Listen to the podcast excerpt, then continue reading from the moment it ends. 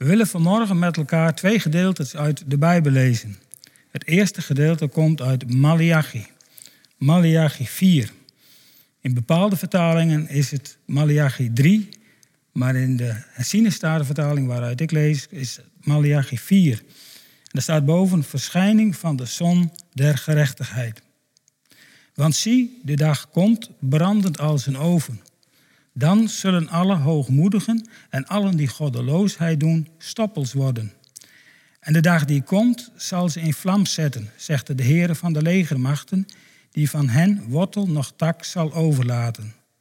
Maar voor u die mijn naam vreest, zal de zon der gerechtigheid opgaan, en onder zijn vleugels zal genezing zijn. En u zult naar buiten gaan en dartelen als kalveren uit de stal. U zult de goddelozen vertrappen. Voorzeker, stof zullen zij worden onder uw voetzolen. Op die dag die ik bereiden zal, zegt de Heere van de legermachten. Denk aan de wet van Mozes, mijn dienaar, die ik hem geboden heb op Horeb voor heel Israël, aan de verordeningen en de bepalingen. Zie, ik zend tot u de profeet Elia, voordat de dag van de Heere komt, die grote en ontzagwekkende dag. Hij zal het hart van de vaders tot de kinderen terugbrengen en het hart van de kinderen tot hun vaders, opdat ik niet zal komen en de aarde met de ban zal slaan. En dan lezen we nog een gedeelte uit het evangelie van Lucas, Lucas 21. En daar staat boven de verwoesting van Jeruzalem voorzegd. Lucas 21. En toen sommigen over de tempel zeiden dat hij met prachtige stenen en aan God gewijde geschenken versierd was, zei Jezus: Wat betreft deze dingen waarnaar u kijkt, er zullen dagen komen waarin niet één steen op de andere gelaten zal worden, die niet afgebroken zal worden. En ze vroegen hem: Meester, wanneer zal dat zijn en wat is het teken dat deze dingen zullen gebeuren? En hij zei: Pas op dat u niet misleid wordt want velen zullen komen onder mijn naam en zeggen, ik ben de Christus en de tijd is nabijgekomen. Ga hen dan niet achterna. En wanneer u zult horen van oorlogen en allerlei oproer, wees dan niet verschrikt. Want deze dingen moeten eerst geschieden, maar dat betekent niet meteen het einde. Toen zei hij tegen hen, het ene volk zal tegen het andere volk opstaan en het ene koninkrijk tegen het andere koninkrijk. En er zullen grote aardbevingen zijn en in verschillende plaatsen, hongersnoden en besmettelijke ziekten. Er zullen ook verschrikkelijke dingen en grote tekenen vanuit de hemel plaatsvinden. Maar voor dit alles zullen ze de handen aan u slaan en u vervolgen, door u over te leveren in de synagogen en de gevangenissen. En u zult voor de koningen en stadhouders geleid worden omwille van mijn naam. En dit zal u overkomen opdat u zult getuigen. Neem u dan in uw hart voor niet van tevoren te bedenken hoe u zich moet verdedigen. Want ik zal u mond en wijsheid geven die al uw tegenstanders niet zullen kunnen weerspreken of weerstaan. En u zult ook door ouders, broers, familieleden en vrienden overgeleverd worden, en zij zullen sommigen van u doden. En u zult omwille van mijn naam door allen gehaat worden. Maar er zal beslist geen haar van uw hoofd verloren gaan. Door uw volharding zult u uw leven verkrijgen. Tot zover de lezing uit het woord van God. Boven de overdenking heb ik gezet de zon van de gerechtigheid. We hebben een aantal versen gelezen uit het boek Malachi. Het is het laatste Bijbelboek uit het Oude Testament. Tussen het boek van deze profeet en de geboorte van de Heer Jezus zit ruim 400 jaar. In het boek Malachi is de situatie zo dat het volk van Israël is teruggekeerd van de Babylonische ballingschap en de verwoeste tempel is weer herbouwd. Maar vervolgens gaan de mensen voor een groot deel gewoon hun eigen gang. Over de profeet naar wie dit boek is genoemd is niet zoveel bekend. Zelfs de naam Malachi, wat letterlijk mijn boodschapper betekent, kwam in die tijd niet zoveel voor. Vandaar dat er nogal wat deskundigen hebben aangenomen dat de werkelijke naam een ander is geweest. en dat de naam Malachi is gebruikt als pseudoniem. Maar daar gaan wij niet van uit. Er is namelijk ook een potscherf gevonden die gedateerd moet worden in de 7e eeuw voor Christus, waarop de naam van Malachi eveneens voorkomt. Voorafgaande aan het door ons gelezen gedeelte uit hoofdstuk 4, namelijk hoofdstuk 3, daar houdt de Heer de Judeërs een spiegel voor. Zij hebben harde woorden tegen de Heer gesproken, maar ze vragen zich af in wat voor opzicht zij dat dan gedaan hebben. Blijkbaar zijn zij zich hiervan niet zozeer bewust. En dat kan ook ons overkomen. Dat we een ander ja, kwetsen door woorden of door een houding. En dat we dat niet zo goed in de gaten hebben. En zo is dat ook met de Judeërs, met de Israëlieten richting de Heere God geweest. De profeet reageert daarop door hun te zeggen dat zij gezegd hebben dat het geen nut heeft om God te dienen. Zijn voorschriften in acht te nemen of zich in een boetekleed te hullen voor de heren van de legerscharen. Die gedachte is ingegeven doordat men ziet dat de goddelozen een voorspoedig leven leiden. Enigszins cynisch prijzen zij de hoogmoedigen en de goddelozen gelukkig. Die kunnen God immers verzoeken zonder dat zij daarvoor gestraft worden. Ik moest ook even denken aan Psalm 73. Misschien kent u die psalm wel, dat is de psalm van Asaf.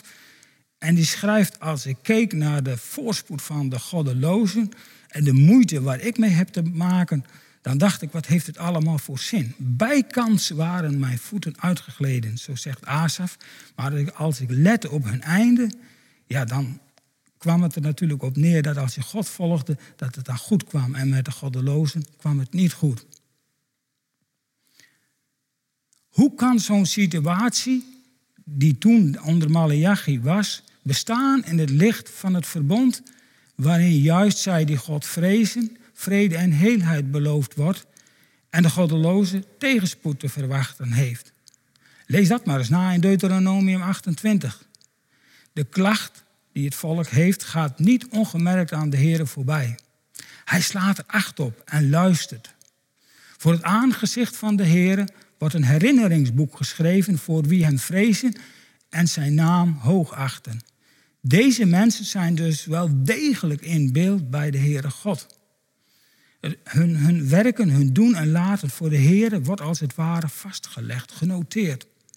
Op de dag des Heeren zullen zij zijn bijzonder eigendom zijn. Hij bevestigt zijn verbondstrouw tegenover hen die hem vrezen. Bij het oordeel dat op de dag des Heren zal worden voltrokken, zullen zij gespaard blijven. Het volk zal opnieuw zien dat er onderscheid is tussen de rechtvaardigen en de goddelozen. Tussen wie God dient en wie dat niet doet. Het mag dan in de aardse werkelijkheid zo zijn dat de goddelozen voorspoed ervaren en de godvrezenden verdrukking. Maar op de dag des Heren zal recht worden gedaan. Dat betekent dat er recht wordt gedaan aan wie de Heere gehoorzaam is en afgerekend wordt met onrechtvaardigen en hoogmoedigen. Daarvan hebben wij gelezen in hoofdstuk 4, vers 1. Het is daar bepaald geen louterend vuur, maar een vernietigend oordeel. In onze taal kennen we ook wel de uitdrukking met wortel en tak uitroeien. En die wordt dus, die wordt dus gebruikt om aan te geven dat er niets van die goddelozen overblijft. Maar voor wie de Heer vreest, zal de zon van de gerechtigheid opgegaan. En onder zijn vleugels zal genezing zijn. Voor hen die God oprecht dienen, is dit reden tot grote blijdschap. Ze zullen uitgaan en springen van vreugde, zoals kalveren die worden losgelaten uit de stal. Nou, we wonen hier ook wel in een omgeving waar, waar boeren zijn. Ik ben zelf opgegroeid in de boerderij. En wanneer dan die kalveren werden losgelaten in het voorjaar, inderdaad, dan gooiden ze hun achterlijf omhoog en dan sprongen ze en dan dansten ze als het ware in de wei. Een prachtig gezicht.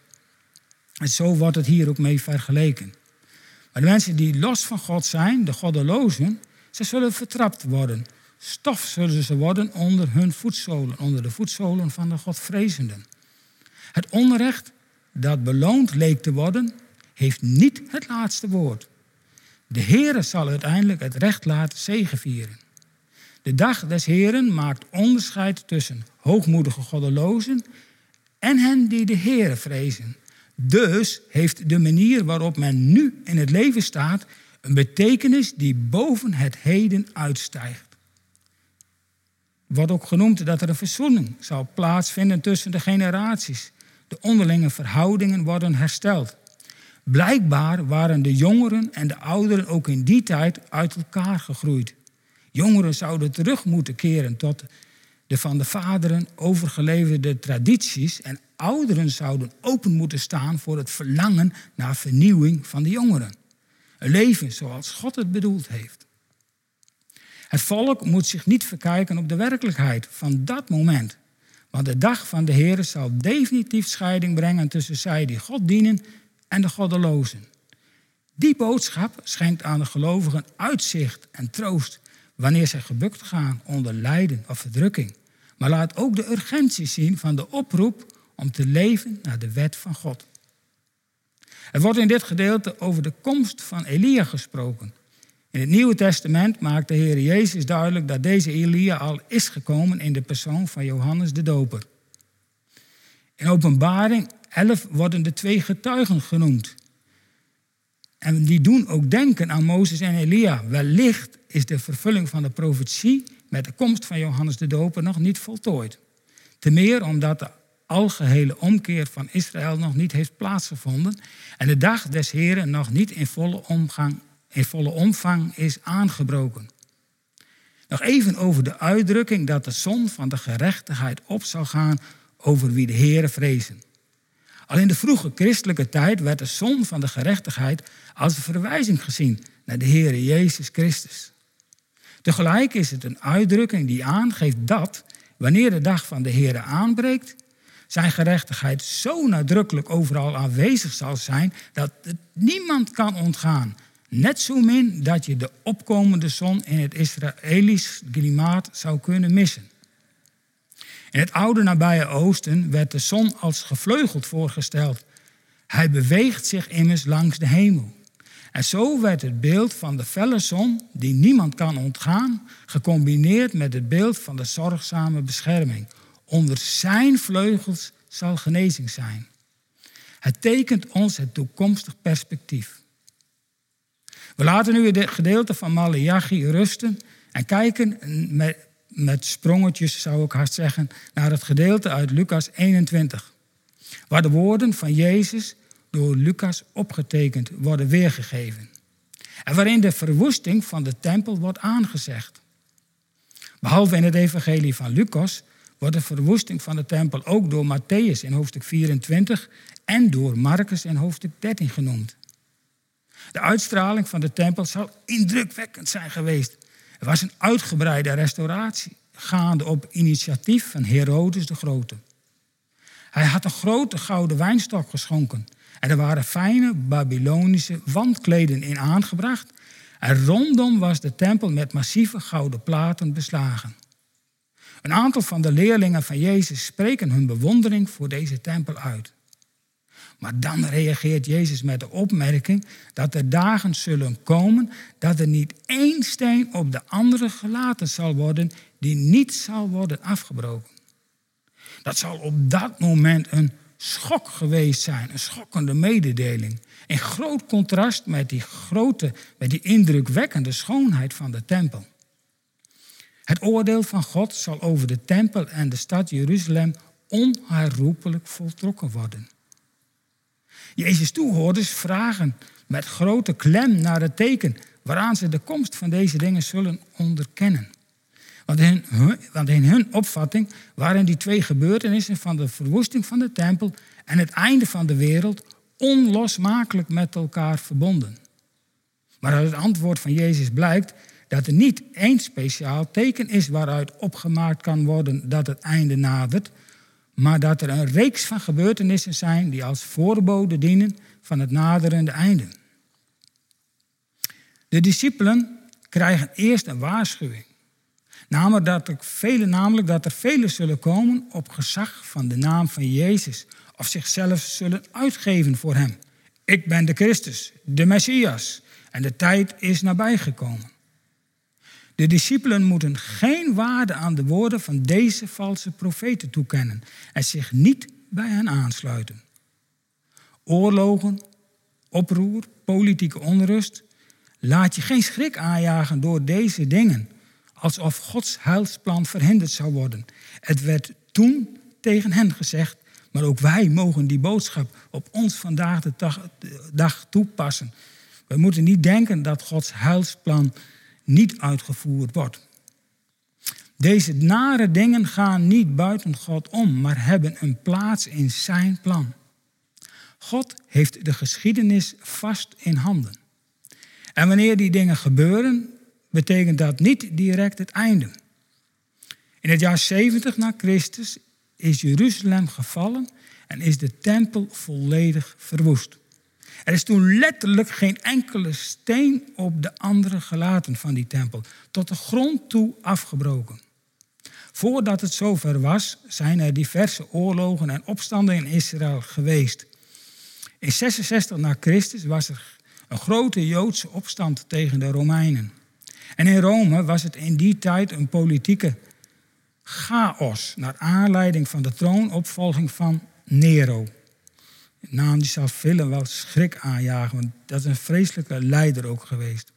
Volken en koninkrijken zullen tegen elkaar opstaan. Er zullen grote aardbevingen, hongersnoden en epidemieën, besmettelijke ziekten zijn. Er is niets nieuws onder de zon waar we vandaag mee geconfronteerd worden. Verschrikkelijke dingen en grote tekenen zullen vanuit de hemel plaatsvinden. Mogelijk heeft dat te maken met ongewone natuurverschijnselen, zoals zonsverduistering, opvallende wolkenpartijen, zwaar onweer en vallende sterren en kometen. Dit moet vooral gebeurd zijn, waar hierover geschreven is, in de aanloop naar de verwoesting van de tempel. Maar voor die tijd zullen de volgelingen van de Heer Jezus vanwege hun geloof in Hem vervolgd worden. En ook dat gebeurt tot en met de dag van vandaag. Destijds zou dat zowel door de Joden als de Romeinen gebeuren. En op die manier zullen de discipelen getuigen zijn. Ze werden overal heen gejaagd, maar ze kwamen voor koningen en ze kwamen voor hoog geplaatsten en ze vertelden van het geloof in de Heer Jezus. En op die manier konden ze getuigen van het evangelie. Voor de vervolgers houdt dat in dat zij dus met een bewijsstak worden geconfronteerd op de dag van het oordeel dat voor of tegen hen zou pleiten. En dat is ook altijd bemoedigend om te horen en te lezen dat die mensen die ook onze broeders en zusters zo hebben vervolgd, dat die er niet zomaar genadig van afkomen. Zij worden geconfronteerd met een bewijsstuk later als ze voor God verschijnen wat ze gedaan hebben. Ook aan onze broeders en zusters. En ik vind dat bemoedigend. Ze moeten niet denken dat ze voor God weg kunnen lopen. Ze worden opgedragen zich voor te nemen, de discipelen, daar keren we weer naar terug, ze worden opgedragen zich voor te nemen om niet van tevoren te bedenken hoe zij zich moesten verdedigen. En daarbij wordt gedoeld op het instuderen van de toespraak, waarbij het naast het mentale gaat om de woordkeus, de stijl en de voordracht. Nou, dat is iets waar wij vandaag de dag soms nog al veel aandacht aan besteden. Omdat we belangrijk vinden dat, dat we goed overkomen en dat mensen het waarderen. Maar de discipelen kregen van Jezus de boodschap hun daar niet op voor te bereiden. Want de zorg om zo'n toespraak tot in detail voor te bereiden, leidt gemakkelijk tot onnodige bezorgdheid en kan de discipelen zelfs helemaal in beslag nemen. Daarom moeten zij zich voornemen hun kostbare tijd niet te verdoen met de dingen die mogelijk zouden kunnen gebeuren. Eerder heeft God aan Mozes verzekerd dat hij zelf door hem spreken zou wanneer hij voor de farao zou staan. En de profeet Jeremia werd aan het begin van zijn bediening door God in staat gesteld om zijn woorden te spreken. God zal zelf hen een mond en wijsheid geven. De discipelen zullen daardoor in staat zijn hun tegenstanders de mond te snoeren. We hebben daar een voorbeeld van in het boek Handelingen, hoofdstuk 6. En we lezen van Stefanus dat zijn tegenstanders niet bij machten waren de wijsheid en de geest waardoor hij sprak te weerstaan. Jezus belooft dezezelfde bijstand door bemiddeling van de Heilige Geest te geven. Vervolgens noemt de Heer Jezus dat er zelfs mensen waarvan je het niet verwacht, je bloedeigen familie, je over zullen leveren. Je bent bij hen niet meer veilig. Helaas heeft de geschiedenis het gelijk van deze woorden aangetoond. Het is me vaak genoeg gebeurd. we hebben er zelfs ook destijds ook in het Oostblok van, van gehoord dat mensen werden verraden door familieleden. Ze zullen gehaat worden vanwege de naam van de Heer Jezus. En toch geen haar van hun hoofd zal verloren gaan. Het is wel duidelijk dat het hier niet gaat om de vrijwaring van vervolging en lijden omwille van het geloof. Maar God laat zijn kinderen in tijden van lijden en vervolgingen niet vallen. God laat niet los. Hij zal ze in zijn koninkrijk brengen. Hij zal ze uit de dood doen opstaan. Zij en over hun hoofden heen wij worden opgeroepen te volharden, trouw te blijven. Want door volharding en trouw zullen we, wat onze omstandigheden ook mogen zijn, wat we ook mee zullen maken, of door welke moeilijkheden we ook heen zullen gaan, behouden in Gods heerlijkheid aankomen. Blijf het geloof in de Heer Jezus trouw. Hij en het leidt tot het verkrijgen van het echte, schitterende, eeuwige leven in heerlijkheid. Bij Hem. Geprezen zij Zijn naam. Halleluja. Amen.